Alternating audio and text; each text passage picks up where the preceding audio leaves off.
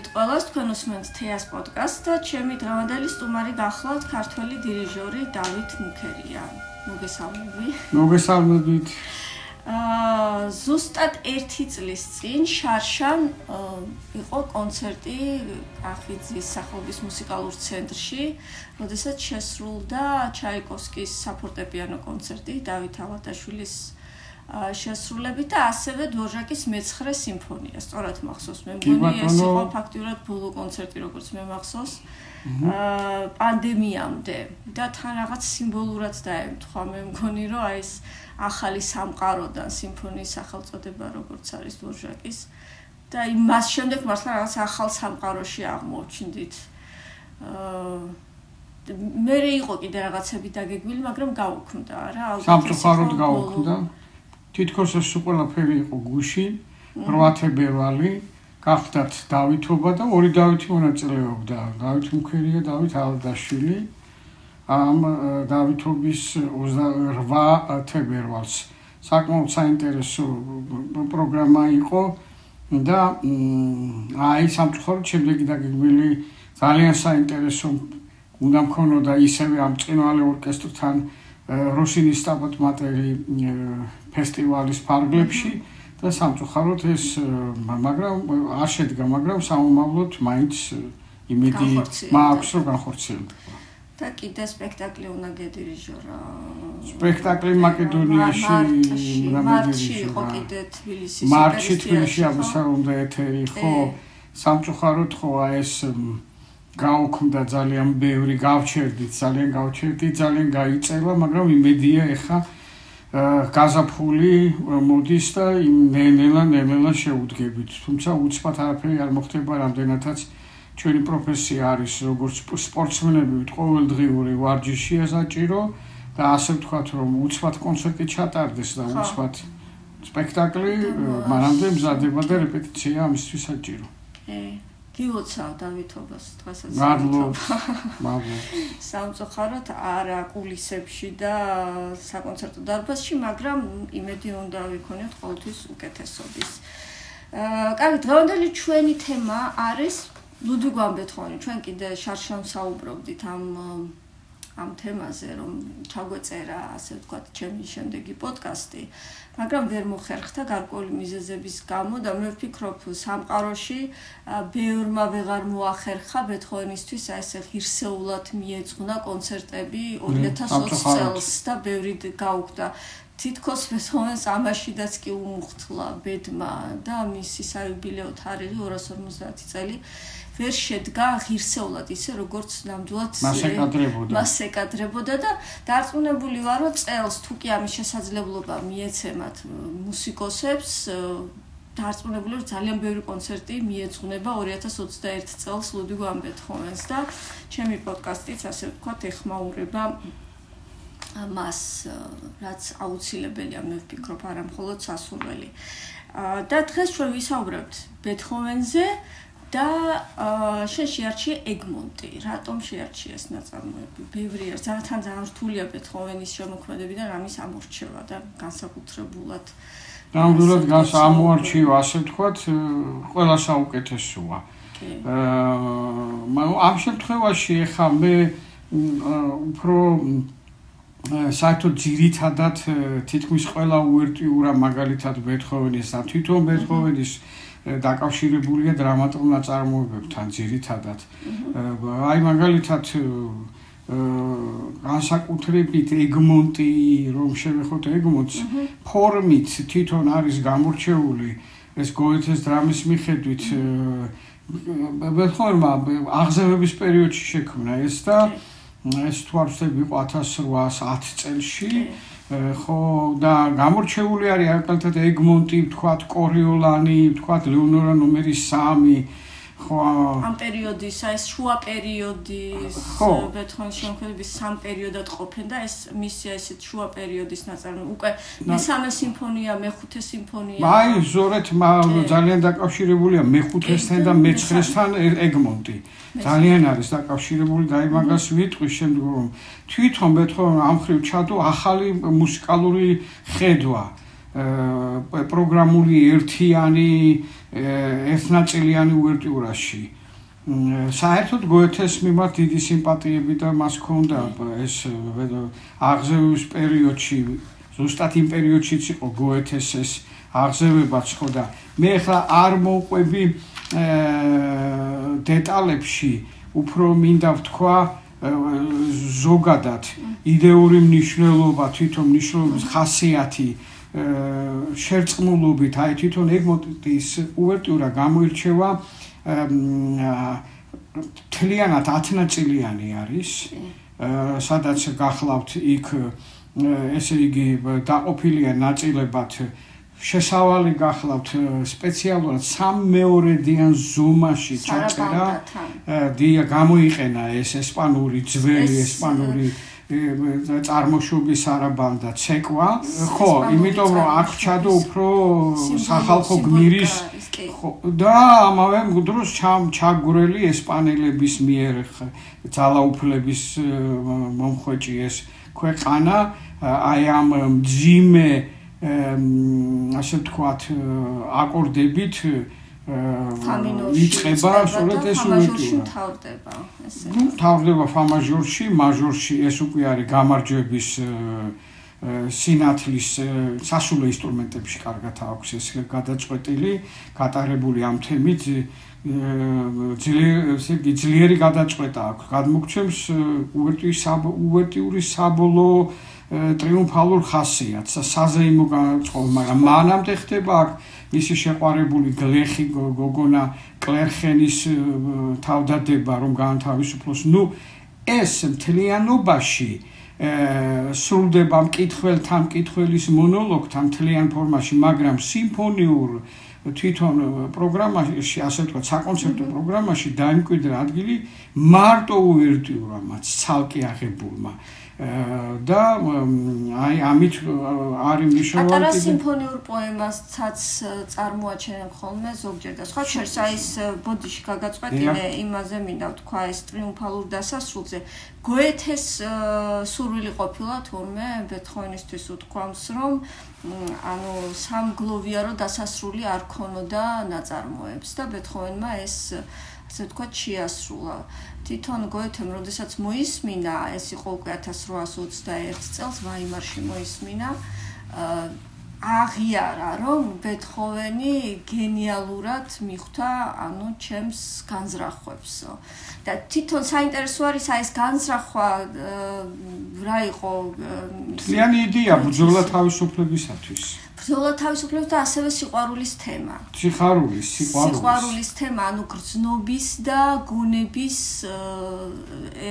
სინთეზი არის, აქ არ არის მხოლოდ ვთქვათ ეს პატრიოტიზმი, თლიან ცხოვრება რასაც მოიცავს, არა ასე პირად გრძნობებს და აი იმ პატრიოტულ სულისკვეთებას, რაც აქვს ამ ნაწარმოებს და ბეთჰოვენისთვის შთამაგონებელი ყოფილა მისი მეგობრისთვის უთქვამს, რომ გოეთეს ლექსებში მომწონს არამხოლოდ მისი შინაარსი, არამედ მისი რიტმიო. და ეს სწორედ ეს რიტმი შთამაგონებს შემდეგ იმაში, რასაც მე მე ვქმნიო. იმიტომ შექმნა ძალიან მის ბევრ ლექსებზე სიმღერები ბეთჰოვენმა. აი ახლა რაც ბრძანე რაც თქვი, ზუსტად იმიტომ მქონდა მას ძალიან ბევრი სიმღერები შექმნილი და სხვათა შორის შეკვეთა მიიღო ბეთჰოვენმა ვენის თეატრისაგან მიიღო ეს შეკვეთა. ეს იყო ხო ეგმონტზეს და ძალიან სიხარულით კი, რა თქმა უნდა. შეხვდა ამ ამბავს. საოცარი არის რომ პიროვნულად უკონტროლო პიროვნებად აღიქვამდა გოეთე სტეპლიცაზე, როდესაც 1812 წელს შეხვდნენ ერთმანეთს, იქ ეს ყველა მიცის. ჩვენ მომსმენელმაც იცის დარწმუნებული ვარ ეს და არაერთხელ მუსმენია და მეც მოუყევი ერთ-ერთ ჩემ პოდკასტში თუ როგორ გაოგნებული იყო გოეთე ბეთჰოვენის ქმედებით, რომ აი ამ საიმპერატორო ოჯახს არ მიეგება და არ მიესალმა ისე როგორც თვითონ მიესალმა. და ასევე ბეთჰოვენსაც სხვათა დიდად არ ესიამოვნა გოეთეს აი ესეთი შეხვედრა საიმპერატორო ოჯახისადმი. ის თვლიდა რომ გოეთე უფრო დიდი იყო ვიდრე საიმპერატორო ოჯახი და გელოდებოდი რომ გამოხვიდოდია. ეს ყველაფერი აი ძალიან თქვენ მკითხე თავიდანვე აი ეგმონტი რატომ? თვითეული ტაქტი, თვითეული აი შემდეგ შესავლის მერე ჩვენ წეგამთქვით სამ მეორედით იწყება ეს მძიმედ პირქუშად ძიმი აკორდებით, სადაც გამოხატავს ჩაგრელის აი იმის ესპანელი ჩაგრელი. რასაკვირველია და მე რეიწება ალეგრო მოძრავი, სადაც ნაზიფერები ხობოისა და კლარნეტის და ფაგოტის ხის ჯგუფში აქვს ძალიან კარგად ეს ხასიათი გადმოცემული და ძალიან კარგად შემდეგ როგორ ამზადებს სანამ პამაჟურში გადავა იმ ბოლოს გამარჯვებისკენ თორსვათ შორს აქტუალურია სულ ყოველთვის იქნება და სულ ყოველთვის არის ნებისმიერ პერიოდში ნებისმიერ ქვეყანაში არის და იქნება აქტუალური ეგმონტი უვერტიურა იმიტომ რომ ის არის განთავისუფლებისთვის. თავისუფალი იყოს ადამიანი. და ძალიან კარგად ეს დაძაბულობა აქვს. მას შექმნილი სინკოპირებულ აკორდებში სეკუნდებით გამოხატავს აი მაგალითად ხის ჯგუფში გასაულ ლითონებში ვალტორნები და ჩასაბერ ინსტრუმენტები. ხედვა აი აქ ძალიან კარგი არის იმ ხრივ რომ ეს როგორც მეთხოვნს ახასიათებს შემცირებული სეპტაკორდი ასევე სიმფონიებში ზუსტად იგივე ხაზია გატარებული განთავისუფლებისადმი, თავისუფლებისადმი, მეხუთე სიმფონიაში ბეთჰოვენს და მეცხრე სიმფონიაშიც. უკვე აქ ჩანს ნიშნები, ეგმონტში ჩანს ეს ნიშნები უკვე. რასაკვირველია ხო? რასაკვირველია, მზადება, მზადება, კი. და განწყობა იმისა, რომ იმედი იმისა, რომ ბოლოს მთავრდება ისე, რაც გოეთეს სურვილიც იყო. და ეთყობა მასშიც ეს იჯდა ბეთჰოვენშიც რომ ესე დაემთავრებია მაჟორულ განწყობაში და ძალიან ზეაწეული არის ეს და აი იდეური მნიშვნელობით ხასიათით საოცარი შერწყმულობით და სრულყოფილი ფორმით არის უვერტიურა ეგმონტი. და იგი აქ შეიძლება თქვათ რომ სიმფონიის დონისაა. კი, სიმფონიური პოემა ალბათ, ხო? კი, კი, ბატონო. სიმფონი. და რა მაინტერესებს, არაერთხელ გაქვს შესრულებული ეს ნაწარმოები? სამჯერ სხვადასხვა პერიოდში.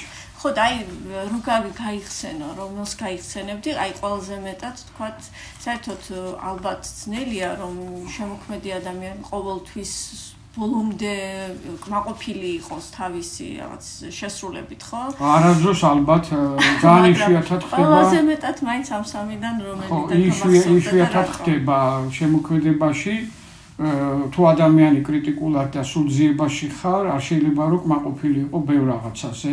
იშვიათი არის ცხოვრებაში გამონათება ისეთი წერტილები მე მქონია ცხოვრებაში ესეთი მომენტები, როდესაც ვქონდა საოცარი წუთები. ეს იყო როსტროპოვიჩთან ჩატარებული კონცერტი და ეს იყო იტალიაში კატანიაში ბელინის სახელობის ოპერის თეატრში სადაც წვიმალი საოცარი ორკესტრის და აი განვიცადე მე საოცარი აი ესეთი წუთები აი მსგავსი არ მახსენდება.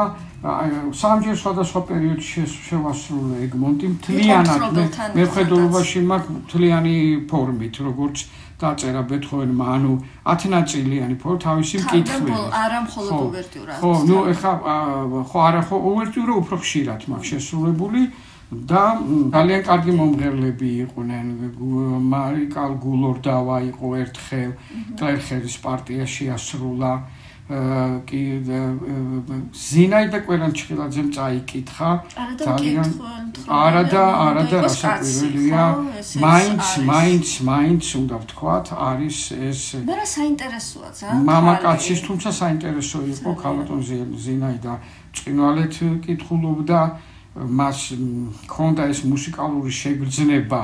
კითხვის დროს აღქმის უნარი საოცრად მე მოსმენელი მაქვს ძველი ჩანაწერი სადაც ასრულებდა. იცით საინტერესო რაღაცებს გეტყვით ამ ეგმონთან დაკავშირებით თია ეხა გამახსენდა ზუსტად რომ პირველად მოვისმინე 60-იან წლებში ჩაწერილი ზაქარია ხუროძეს დირიჟორობით საქართველოს სახელმწიფო სიმფონიური ორკესტრი და კითხულობდა სერგო ზაქარიაძე.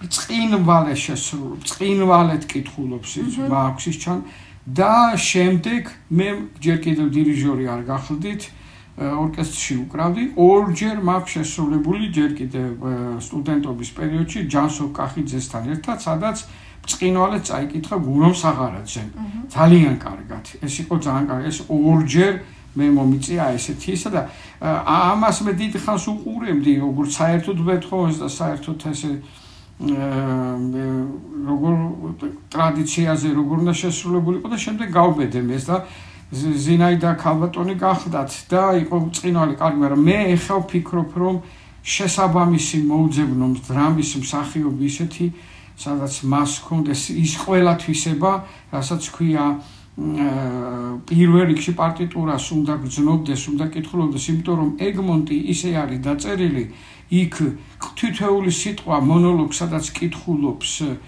ეგმონტი და ის ატუსაღოში და იცის რომ ხვალ ის უკვე ცოცხალი აღარ იქნება, აი გესმის ხმა. თითოეული ტაქტი ფანფარების იქ საყვირებშია გადმოცემული მის დასახსნელად რომ მოდის კლერხერი მოუძღვება ჯარს შეგროვებულს და გესმის შრიალი. ანუ ბეთხომეს აღწერილი აქვს თითოეული ნაბიჯი, თითოეული სიტყვა მონოლოგში. და ეს თუ არ იგრძნო მკითხველმა და არ გააკეთა ისეთივე მუსიკალური პაუზები, ან ნიუანსები ფორტეა ეს კრეშენდოა თუ 3-6 პიანოა, კითხვის დროს ასაც აკეთებს ზუსტად სერგო ზაქარიაძე, წინვალეთ გრძნობდა. მან ხო არ იცოდა ნოტები დარწმუნებული ვარ პარტიტურა მაგრამ ისე გრძნობდა ის ინტუიციით და უნიჭერესი ადამიანი იყო, რომ საოცარი იყო ასევე მოგახსენეთ გურამ საღარაძეც. და ეხლა მინდა ვაპირებ საომავლოდ ზუსტად მამაკაცი იყოს, ტემბრი უნდა იყოს პირველ რიგში, აუცილებლად შესაბამისი. უნდა იყოს ისეთი, როგორც იტყვიან ხოლმე ვოკაი მომღერლებზე იტყვიან ლამაზი ტემბრი აქვს, სუყებგერა აქვსო. აი არა მარტო სუყეშია საქმე, დამაჯერებელი უნდა იყოს ის ასაც კითხულობს რომ სმენელა დაიჯეროს და რაც მთავარია ეს იყოს ერთად ყველაფერი ანუ დირიჟორი ორკესტრი მკითხველი მომღერალი. აი მაშინ შეძგება იმიტომ რომ ჩვენ წერამ თქვით სიმფონიის ტოლფასიაო. ზუსტად ამზადებს მომღერალი ჩართო. შემდეგ გუნდი ჩართო მეცხრეში. ბეთჰოვენი როგორ მიყვება ეს ისე არ მოდის პირდაპირ რომ ეხლა მე ეს მინდა დავწერო და ეს ეს ცხოვრებისეულია მისი აღზევის აღზევის პერიოდში შექმნილი. ამდენად ის ეს განვლილი რომ მაქვს მეთეა ეს ეგმონთან დაკავშირებით საკმაოდ მე როგორც მუსიკოსი ორკესტრანტი მიღებული მაქვს ამ ხრიდანაც როგორც დირიჟორიდანაც ახლა მინდა რომ ამას რამდენად გამომივა არ ვიცი შევხედო რომ ეს იყოს განსხვავებული და უფრო კიდევ ისეთი დამაჯერებელი როგორც გითხარით. ნახოთ რა გამოგვივა. ფიქრობ ვარჩევ ვეძებ შემსრულებელს. კითხავს მთხრობ კითხავს გულისხმ რა საკვირველია მომღერალსაც. ეს ძალიან მნიშვნელოვანია. მე მაინტერესებს ახლა როგორც აღნიშნე ეს ნაწარმოები შესრულებული გაქვს როგორც შემსრულებელს ანუ ორკესტრანტს ორკესტრის ერთ-ერთ წევრს ვალტორნას ვალტორნის პარტია ხო? და ასევე როგორც დირიჟორს. ანუ ფაქტიურად ყველანაირად სინაზარდან ხო ხო მსმენელიც ყოფილი ვარ და ნუ მსმენელი ხო თავისთავად და კიდევ მსმენელი არაერთი შესრულების რომელიც შემდეგ მოქმედებს დარწმუნებული ვარ ხო? მაგე რასაკვირველია საკუთარ შესრულებაზეც. აი ხშირად საუბრობთ ხოლმე მუსიკოსები აი ინტერპრეტაციაზე.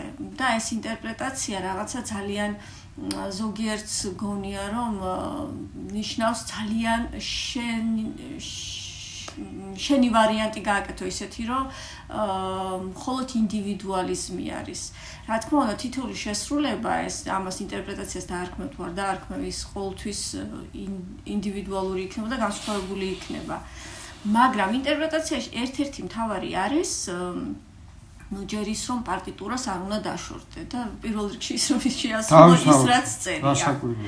აა პირველი რაც ალბათ ნებისმიერს და შეიძლება არა მუსიკოსმაც შეამჩნიოს ეს, ვიდრე ძალიან ესეთ შრეებში ჩავალთ პარტიტურის, არის ტემპი. ინტერპრეტაციის ერთ-ერთი პირველი მაჩვენებელი არის ტემპი. აი ჩვენ ახლა ქრონომეტრაჟითაც უბრალოდ რომ არ ჩართო შესრულება და გადახედო, სხვადასხვა არის, სადღაც 9-დან 10 წუთამდე მერყეობს შესრულება სხვადასხვა.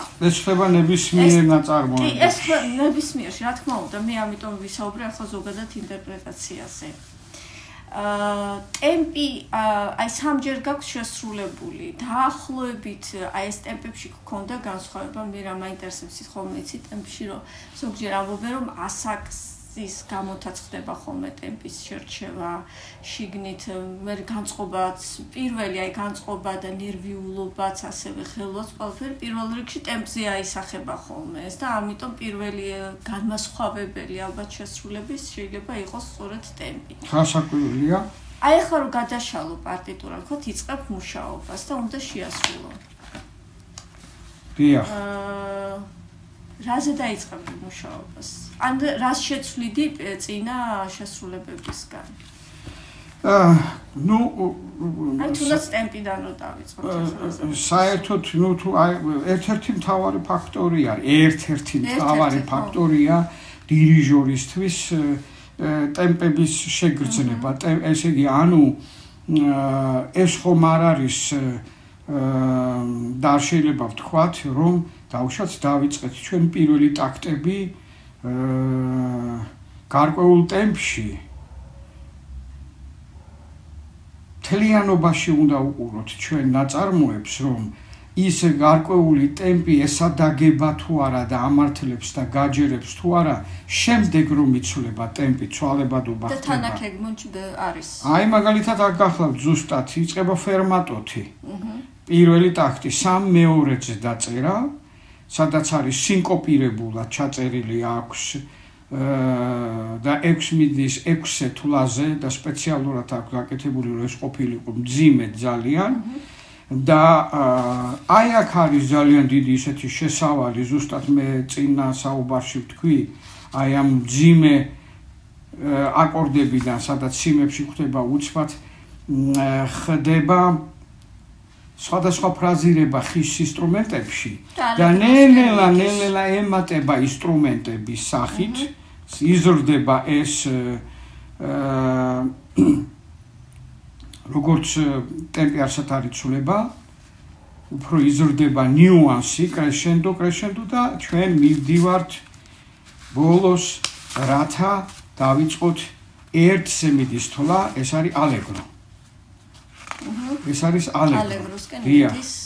ალეგრო. აი ამ ალეგროსთან გადასვლა როგორ უნდა მოხდეს? ხო, აი ეს მოიწესა. იცით რაშია საქმე? არ შეიძლება იწეღან თქვი თეა რომ ზუსტი ტემპი იყო ადრე რო შეასრულე თუ შემდეგშიო.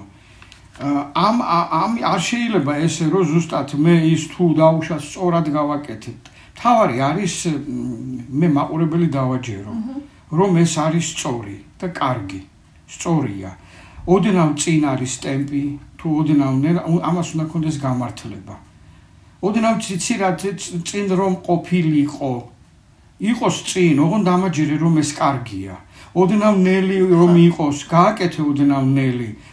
ეს ერთი მონაკვეთს ეხება ტემპი, მაგრამ ის ტემპი ხო ამზადებს შემდეგი მოსალოდნელ ტემპისთვის, რომელიც აუცილებლად იცვლება, ან თანდათანობით ნელდება.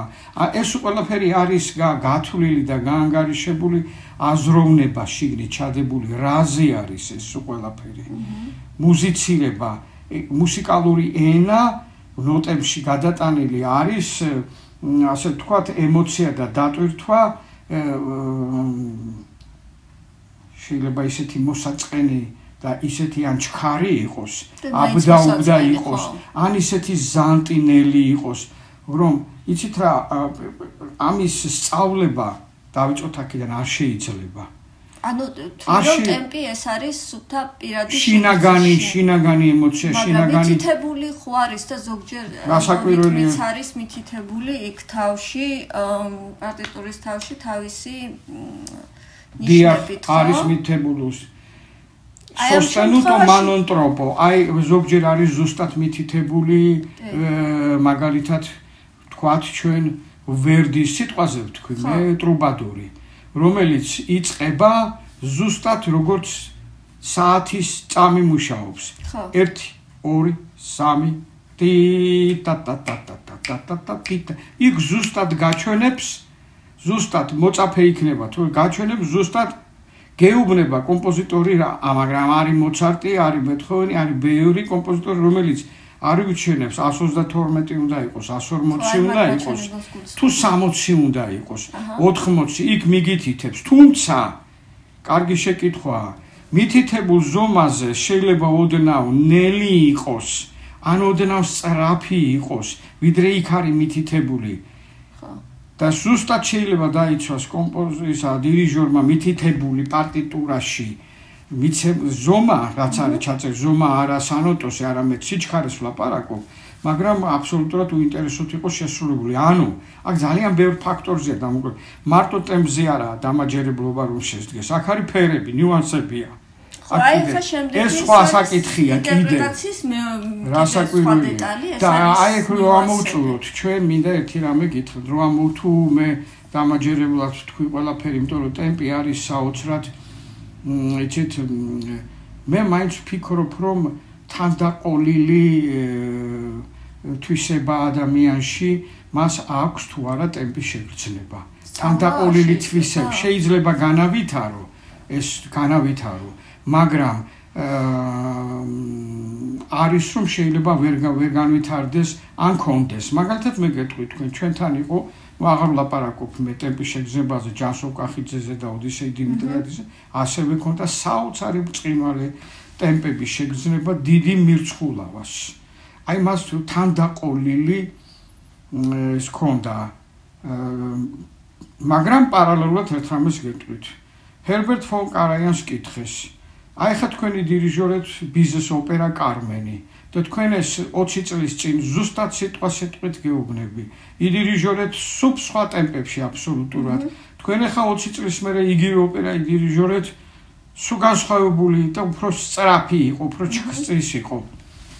აა დაამარტივად და მშვიდად უპასუხა მე სისხლი ახლა ესე მიდუღდაო და მე ესე მომთხოვაო და თქვენთვის ამდენად დამაჯერებელი იყო ეს თქვენთვის უნდა განსაზღვრთო და ესე მინდოდაო და ანუ არ შეიძლება დოგმა რო ტრაფარეტივით შენ.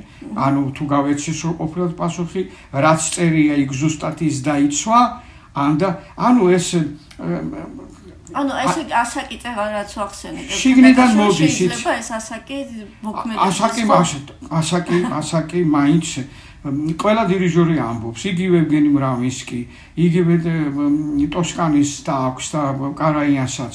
მათი პარტიტურები იყო თავისთავად სველი, ამ უკაცრავად ოფლისგან, მაგრამ დახეული იყო სულ დაფლეთილი ზედმეტი მოძრაობებისგან და უკაცრავად ჟარგონულად ფაფხურისგან ახალგაზრდობაში ჩვენო მე ნელა ღვინდება, ღვინდება, ღვინდება, აი ეს არის ცუდი თუ 10 წლის წინ რო დირიჟორობდი და კიდევ ისე ზუსტად ისე დირიჟორობ და რა ცოტა ახალს არ დაუმატებ. აი ეს არის საშინელება. ამიტომ სულ უნდა იყოს მაშინ აი ეს კითხები რაც დამისვი მე რასაც რაც ეხება ინტერპრეტაცია ან იგივე ტემპები. აი მაგალითად ნიჩიან ხოლმე თქვა აი ეს რა კარგად გამოგივიდათ ამაზე რა იფიქრეთ. მე პირდაპირ მინდა გითხრათ ზოგიერთ შეიძლება სულ არაფერს დიდად არ ფიქრობს. როგორ არ ფიქრობ მასზე? აი ოდისეი დიმიტრიადი მიწოდა თქმა რომ დუმოია ტემპა იფიქრებ რუსულად მეტყოდა იფიქრე ტემპზე სანამ დაიწყებ სანამ გახვალ ესე ხო. არა პირდაპირ გახვედი და დაიწყე ფიქრობ მანამდე მაგრამ ინტერპრეტაციაზე ხანდახან შეიძლება ისეთი რაღაცა შიგნიდან წამოუვიდეს და რაღაცა ის ქარიზმა ხო და რას დირიჟორისთვის საოცარი თვისებაა ეს ვისაც აქვს რომ ეს წამოუვიდეს ისეთნაირად რომ ის იყოს მე სასაუცარი არის მუსიკა.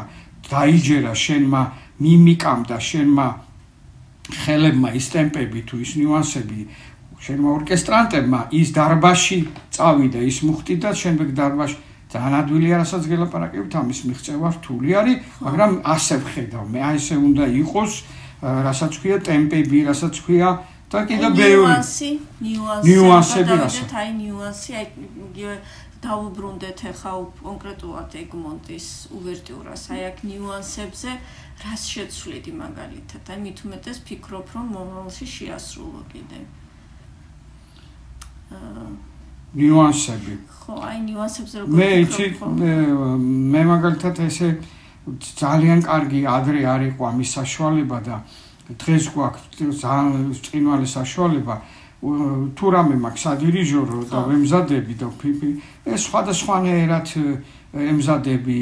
მუსიკის გარეშე პარტიტურას აი ხა მე რომ მაქვს აქ ნოტები ფშლი და მუსიკის გარეშე როგორც ციგნივით აი ესე ცალცალკე და ბევრჯერ შევასრულე. და ირაზე ფიქრობ ხოლმე აი.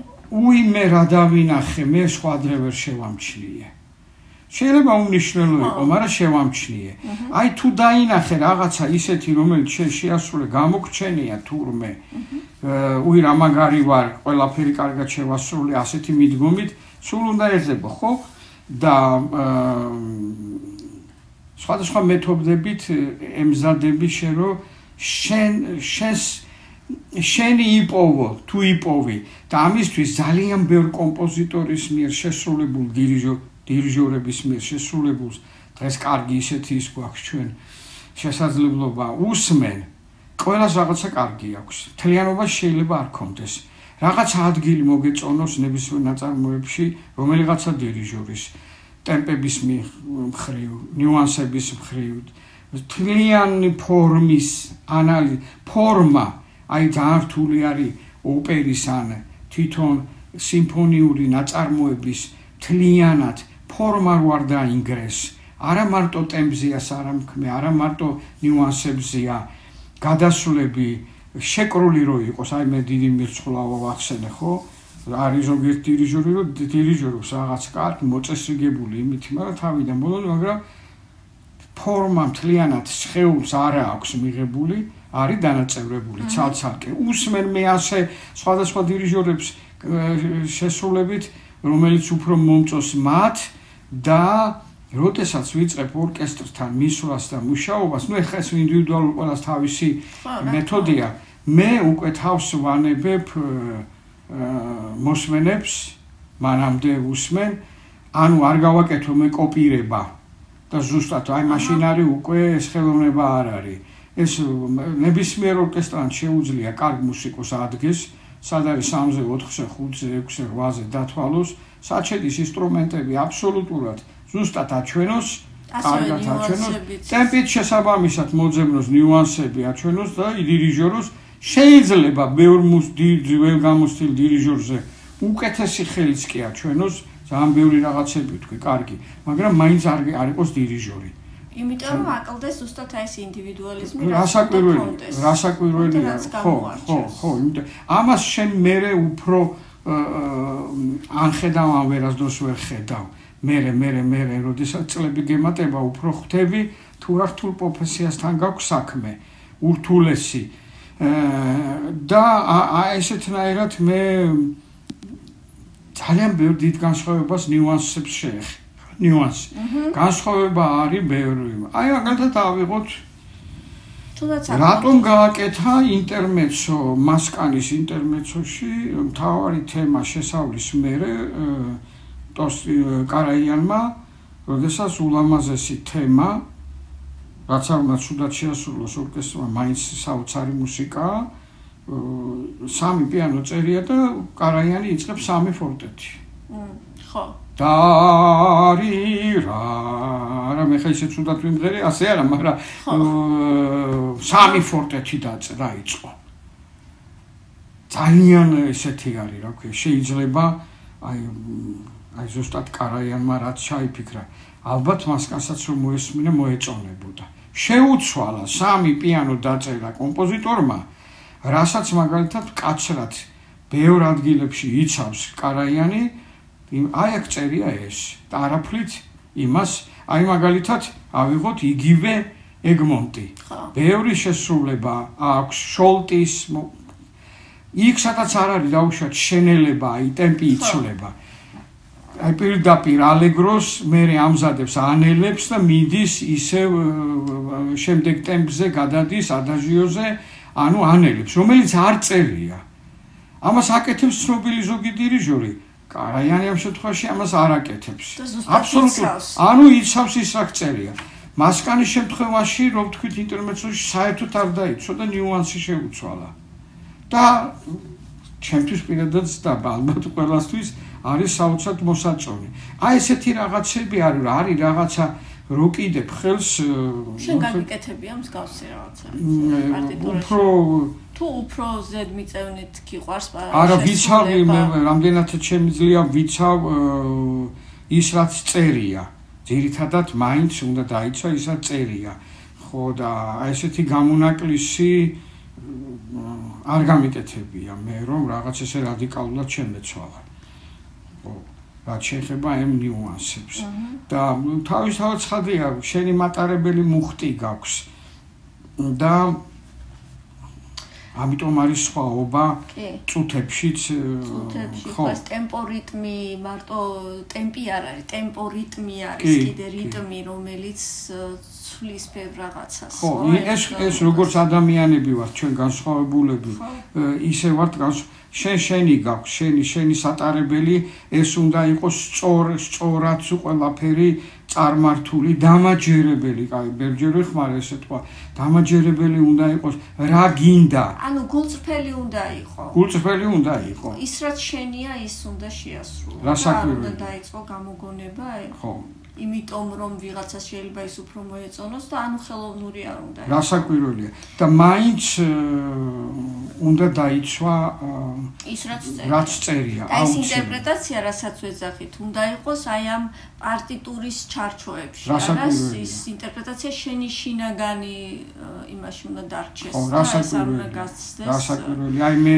სწორედ იცი მაშინ ღებულობ როდესაც როდესაც მაღალი კლასის ორკესტრებს შეუძლია ის რაც წერია ის შეასრულოს ზუსტად ხედულობაში მაგ ჩაიკოვსკის სიმფონიებში ხშირად წერია 4 ან 6 პიანო. ხო. და უწერია 6 ფორტე 4 ფორტე ხო? აა ჩაიკოვსკის 2 ფორტე მოცარტის ეს სხვადასხვა სხვადასხვა ფორტეებია ესეც ხო? ხშირად. ხო ამასაც ძალიან დიდი მნიშვნელობა აქვს ბალანსი ну აი ეს დირიჟორი იგივე ექიმივით არის როგორ განკურნოს ნაწარმოები როგორ მოარჩინოს ასე ვთქვათ როგორ დაალაგდეს ყველაფერი ამ ზედმეტი ხმაურისგან ან ჭუჭყისგან ან ეს ამის უკვე უნარი ცოდნა გამოცდილებით მოდის ან არ მოდის. არ შეიძლება მაგალითად ურთულესი ნაწარმოები პირდაპირ ნიუანსით დაიწყო გაკეთება. ჯერ უნდა მთლიანი ტექსტი წარმოდგენ. ეხლა ეგმონტზე რო დაუბრუნდეთ, ეს იმდენად ცნობილია და იმდენად აა ჩვენო მუსიკოსებმა ზეპირადიციანეს. კი ბატონო. ხო, ასე რომ ვაპირებ ხო ძალიან ისეთი განსხვავებული იყოს, მკითხველი მამაკაცი იყოს და რასაკვირველია მაინც არის რაღაცა ისეთი რომ რომელიც გმირია, ну კი არიან ბევრი ქაბატონები გმირებიც, მაგრამ ამ შემთხვევაში ეგმონტი არის. ესეც ბეთჰოვენის იმას რომ მიუყვეთ ზედმიწევნით, კაცისთვის დაწერა ეს. რასაკვირველი. კითხველი იქ უწერია მამაკაცი. მამაკაცისთვის, კი. კი, ესეც მითითებული არის. აი პარტიტურა ძალიან ბევრი შრისგან შედგება. ჩვენ ახლა ვისაუბრეთ ტემპზე, ვისაუბრეთ ნიუანსზე და ახლა მინდა გადავიდეთ თვითონ აი ეს პარტიებზე, რომელიც ასეთი სიმფონიური ორკესტრი ამ ხალხს ასრულებს და კარაიანი ახსენე წეგან არა ერთხელ სწორედ კარაიანს ახასიათებს ის რომ აი ერთი მხრივ ძალიან უნიშნელო მელოდიური ხაზი შეიძლება უფრო წინ წამოწიოს ვიდრე ანუ ძალიან თამამი არის ასეთი ინტერპრეტაციები როგორც ნიუანსი ახსენეთ ახლა ასევე თვითონ ეს შრეების სიცის ხოლმე შედის და აი მისი ძალიან ცნობილია და მხატვრის ერთ-ერთი ჩემი საუკეთესო შესრულება არის ამ შემთხვევაში ბეთჰოვენის მეცხრე სიმფონიის აი სწორედ ის მეოთხე ნაწილი სადაც ფაგოტის პარტიას რომელიც სხვა შესრულებაში ისე არ გესმის და უფრო ლირიკულად ისმის ხოლმე. და კარაიანს აქვს აი ზუსტად ფაგოტის მარშირებული სვლა რომელიც მიდის აი ლირიკულ მელოდიის ფონზე რომ არაიას აქვს ძალიან მკვეთრად ეს გამოხატული, ანუ ფაგოტს გასმენინებს ის და ბევრი აქვს კიდე ესეთი უბრალოდ ახლა ბეთჰოვენის თემაში დავრჩი, ასე ვთქვათ. ეს ეს ერთეულების ხვედრია, რასაც ამბობ შრეებში ჩასვლა. და გამო გამოაჩინოს ის აი ეს ამ შემთხვევაში როგორ აკეთებ? აი როდესაც ეუბნები რომელიმე ჯგუფს ან რომელიმე ხის უბრალოდ ჩასაბერ საკრავის ჯგუფებში რომელიმე ინსტრუმენტს რომ უფრო მეტი გინდა ან უფრო ნაკლები გინდა არის ესეთი კონკრეტულად ძალიან ბევრი არის, ძალიან ბევრია. სწორედ ეს მუშაობის დროს კეთდება. აი ეს ის არის, რამდენად ხედავ და რამდენად კითხულობ პარტიტურას. რამდენად გრძნობს. დამ არის დამხმარე პარტიები, არის რომელსაც მეტრო რიტმი მიყავს. აი მაგალითად ეგმონტში ხშირად მეტრო მეტრო რიტმი მიყავს მეორე ვიოლინებს და ალტებს. აი ესეთი სახე. მათ მიყავთ პულსი. პულსი არის ახლა და ამ დროს ამ დროს თემა არის ამ პირველებში გამილიონებში გატარებული ან ჰობოიში, ან ფლეიტაში, სხვადასხვა საკრავებში. ეხლა, როდესაც ეს რიტმიული მონახაზი, ტემპი, რომელიც ლაპაპაპაპაპაპაპა იქნება უფრო ხმამაღალი და დაფარავს იმ გამვლევ, ასე თქვათ, მელოდიურ ხაზებს, რომელიც თითო ინსტრუმენტშია გატარებული, ერთი ადამიანი უკრავს, ჰობოიში, ან კლარნეტში, ან ფლეიტაში. და აქ ერთი 10 ადამიანი უკრავს ან 20 ადამიანი უკრავს იმ ფაქტურას და ფარავს იმ თავს და ვერ ხედავს დირიჟორი სულ აბსოლუტ ეს არის უკვე ბალანს შევეხეთ. აი წერან რაც თქვი კარაიანს აქვს ეს რომ ამოქაჩა ფაგოტი. ბალანსის შეგრძნება დანახვა იმ იმ იმ საკრავის დანახვა რომელიც ბეთჰოვენმა დაუწერა. აი გენიალურად აქვს ეგ სწორედ მეცხრე სიმფონიაში ხო ის ხაზი გატარებული. ზოგან სულ არ ჩანს. სულ არ ჩანს კი. და მეცაც გეტყვი მაგალითად მეცხრე სიმფონიაში აქვს საოცრად მიუხედავთ იმისა რომ მაშინ არ იყო იმ დროს კარგი ტექნიკა ჩანაწერის პიციკატუებიც კი კარგად ისმის ტოსკანინის მეცხრე სიმფონია ბეთჰოვენში ვიდრე შემდგომ ზოგიერთ ახლანდელ შესრულებაში. საერთოდ პიციკატუები არის მის. იმდენად ჭარბობს სხვა ჯგუფების ხმოვანება რომ ეს კარგი მსმენელის იმისთვის შესამჩნევი ხდება.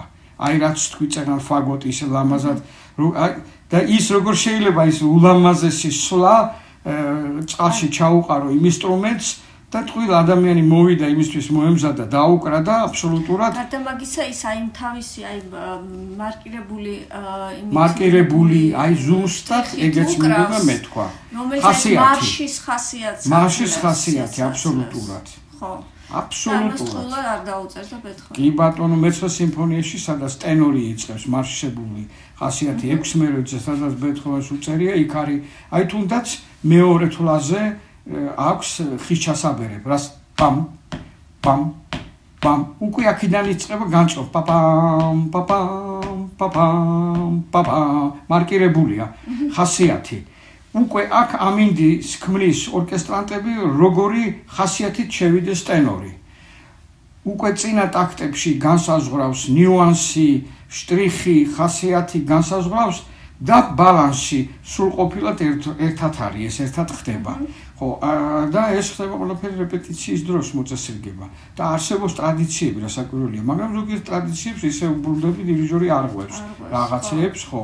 ხო არღვევს ზოგი არის მისაღები ზოგი არის არ არის არ არის მისაღები და ასე შემდეგ. აი დღეს შეარჩია გარდა ნაწარმოებისა ასევე შესრულება რომელსაც შევთავაზებთ ჩვენს მენელებს ეგმონტის უვერტიურას შევთავაზებთ დღეს, ხო? დიახ. კარაიანის შესრულებით. კი ბატონო. ეხა ერთი რამითაც მინდა ვთქვა, რომ ყველაფერი რო შევილაპარაკეთ, შევილაპარაკეთ აა ტემპზე, ნიუანსებზე, ხასიათი ეს მასე რა ქვია, შტრიხებზე, შტრიხი, სხვა შორის მნიშვნელოვანი არის სიმებიან ჯგუფში შტრიხების დაწერა. შეიძლება ის ნიუანსი სულ არ გამოვიდეს. თუ არ თუ სწორად არ დაიწერა შტრიხები. მე საითკენ მეყავს ლაპარაკი, რომ თუ მუსიკოსს არ აქვს ტექნიკური შესაძლებლობები მაღალ დონეზე შტრიხების დაწერის კონცერტმაისტერი წერს თავისთავად ცხადია, მაგრამ დირიჟორთან შეთანხმებით ერთად და თუ ჩასაბერი ან სიმებიანი ჯგუფის ვერ ფლობს სპორტატოს სპორტსატოს დაკვრა როგორ უნდა დაიკრას? ან სუბიტოპიანო როგორ უნდა დაიკრას რომელიც განსხვავებული არის? და ეს ტექნიკურად ვერ ფლობს ის მე ვერ დავეთანხმები იმ გამონათქვამს რომელიც არსებ არის ასე ვთქვათ საამბობენ რომ არ არსებობს სუსტი ორკესტრი არსებობს სუსტი დირიჟორი. სუსტი დირიჟორიც არსებობს და სუსტი ორკესტრიც. იმიტომ რომ ყველა ორკესტრს აქვს თავის შესაძლებლობა აქედან არსებობს სწორი გამონათქვამი. ყველა ორკესტრს აქვს თავისი ტემპი, ამა თუ ნაწარმოების მიმართ. ისევ ტემპში დაბრუნდი. იმიტომ რომ არსებობს მაგალითად ორკესტრი, ისეთი სუპერ ორკესტრი, რომელიც როსინის ვილჰემტელს უკრავს, დაგრამ დაგრამ დაგრამ პაპამ დაგრამ დაგრამ ტერატატამ დაგრამ დაგრამ ისეთი შტრიხით უკრავს, რომელთაც უნდა დაიკრას და განწყობა იქნება და იმ ტემპში ვერ დაუკრას ზოგიერთმა ორკესტრმა. იმიტომ რომ ის ხემს ვერ ახტუნავებს ისე, ასე ვთქვათ, სწორი ტექნიკურ მხარეს ვამბობ, ან და ჩასაბერი ინსტრუმენტი ვერ ფლობს იმ ტექნიკას. ეხა ეხ ზოგიერთ შეიძლება გაუკვირდეს ეს რა სად რაზე ვლაპარაკობ მე. სამწუხაროდ ესეთი ჩვენთან არის. კი. მეტნაკლებად რაც მე-20 საუკუნეში ჩაბარდა და უფრო ადრე ევროპაში. ხო, აღარ ვლაპარაკობ სისუფთავეზე, დაკვრაზე და აღარ ვლაპარაკობ ტექნიკურ შესაძლებლობაზე. მაგაზე მე მგონი აღარც უნდა ვლაპარაკო. ხო, მაგრამ ჩვენთან სხვა სერიოზული პრობლემები ყოველდღურად უფრო მატულობს, ასაც ხია საორკესტრო საერთოდ საორკესტრო ფაკულტეტის კატასტროფული მდგომარეობა. და მაინც მინდა მე ამ განაცემაში ვთქვა, რომ სამი ორკესტრი გახლავთ თბილისში და ახალგაზრდების ნაკადი ძალიან წირი არის და საგანგაშო არის. ეს არის ძალიან ცუდი და რაღაცა თუ არ იქნა ზრუნვა ამაზე ჩვენ დაუბრუნდებით იმ პერიოდს როდესაც მე-20 საუკუნეში შეიქმნა ერთი სიმფონიური ორკესტრი ევენი მიქელაძის პერიოდს, როდესაც ოპერა იყო, ერთი ორკესტრი, სიმფონიური ორკესტრი ატარებდა ორშაბათობით კონცერტს. ამიტომ ცოტა ჩვენ გადავედით ეგმონტიდან, მაგრამ მომავლისთვის ეგმონტში ეს არის, ხო? თავისუფლებისთვის. ინტერპრეტაციაზედაც აისახება, ხო? ეგ თემა. ხო, ამიტომ ეს იმდენად გადაჯაჭულია ეს ყველა თემა, ეს მივდივართ პროფესიონალიზმთან. სალაპარაკო შეიძლება ადვილი იყოს, მაგრამ ძალიან რთულია. სიმღერაში უფრო მალე აღწევ გუნდში მაგალითად გუნდი რო ამღეროთ ეს შედეგი უფრო ადრე. ჩვენთან ხანგრძლივი პროცესია მაგრამ ვერ გაიქცევით ჩვენ. ასე რომ ეს ესეთი პრობლემა არის ჯაჭვური არის და არ მოიცავს მხოლოდ ცალსახად ერთ იმას რომ ან რაღაცა გვაკლია ან ფული არ არის თქვათ მატერიალური პრობლემა ან ის რომ პედაგოგი არა, იმიტომ რომ ყველაფერი შეიძლება მოიწიოს, აქ სისტემური პრობლემა არის, რომელსაც მე ვფიქრობ და იმედი მაქვს, რომ ვისაც ეხება ეს ამაზე დაფიქრდებიან და იმუშავებენ. პირველ რიგში საგანმანათლებლო პროცესი არის მოსაწესრიგებელი. იმიტომ როგორც აღნიშნე, ეს შედეგი არ იქნება 1 და 2 წლის მერე, ეს არის 10 წლეულების შემდეგ შედეგზე ვსაუბრობთ, ახლა რომელზეც დღეს უნდა დავიწყოთ ფიქრი. რასაკვირველია. აა და შემდეგ, რა თქმა უნდა, იმ ინტერპრეტაციებზე, რადგან ვისაუბრეთ, ნიუანსი იქნება შტრიხი თუ ტემპი, უფრო თავისუფლად იქნება შესაძლებელი, რომ საუკეთესო შედეგებს მივახციოთ ორკესტრებში. თავისთავად, იმედია. ახლა რომ დავუბრუნდეთ ისე ბეთჰოვენს და ეგმონს და წეღან თქვი რომ შევთავაზებთ კარაიანის დირიჟორობით, ხო? და ეს შესრულება ჩენი შერჩეული არის. როგორც აღნიშნე, ბევრ შესრულებას ისმენ ხოლმე, ვიდრე დაიწყებ მუშაობას, მაგრამ როდესაც გადიხარ უკვე ორკესტრთან აპირებ დადგომას, მაშინ რაღაც პერიოდით ადრე წვეთ ხო შესრულების მოსვლა. ხო, მე შენს გასახო რაღაცა შენ შენი ეძებო მე შენი ნახო, იმიტომ რომ შენ ცოცხალ ადამიანებთან მუშაობ. ხო. ხო. და ეს ზეგავლენა არ მოხდეს და კოპირება. აი ამ შემთხვევაში ახლა რომ გამოარჩია ამ რამდენიმე შესრულებს რაც ბოლოს მოისმინე რომ დღევანდელი ეთერისთვის ასე თქო შეგვერჩია რატო არჩი კარაიანი აი რაღაცით უფრო მეტად მოგინდა ხო?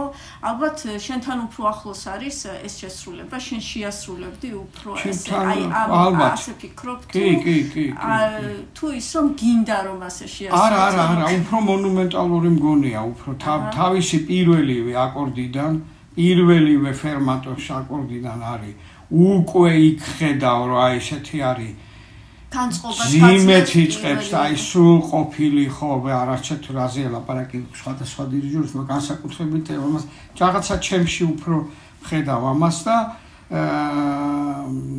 აი ზუსტად მე შიგნით რაც არის განვითარება კულმინაცია სადაც ხდება და გადადის შემდეგ მასში რა ქვია საზეიმო ასე ვთქვათ ხო არის ძალიან აი განათებული ბრწყინვალე თითქოს აი ზიამოვიდაო და განაცდა აბსოლუტურად.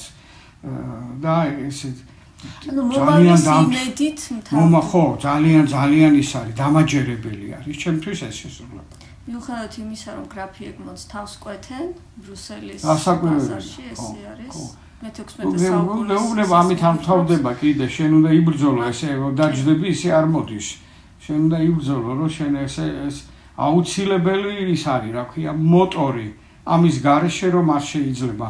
ამიატო არის უკვდავი და ამიტომ ნებისმიერი ქვეყანაში კიდევ მეორებს შესრულდება ნებისმიერ დროს. ეს იქნება ყოველთვის აქტუალური. ხო, აი მაგის თქვა მინდოდა, ყოველთვის აქტუალური. ახლა მოვისმენთ ბერლინის ფილარმონიული ორკესტრის შესრულებით, რომელსაც კარაიანი დირიჟორობს, ჰერბერტ ფონ კარაიანი. ლუდვიგ ვან ბეთჰოვენის ეგმონტის უვერტიურას, მხოლოდ უვერტიურას. კი ბატონო. ძალიან დიდი მადლობა ასეთი საინტერესო საუბრისთვის.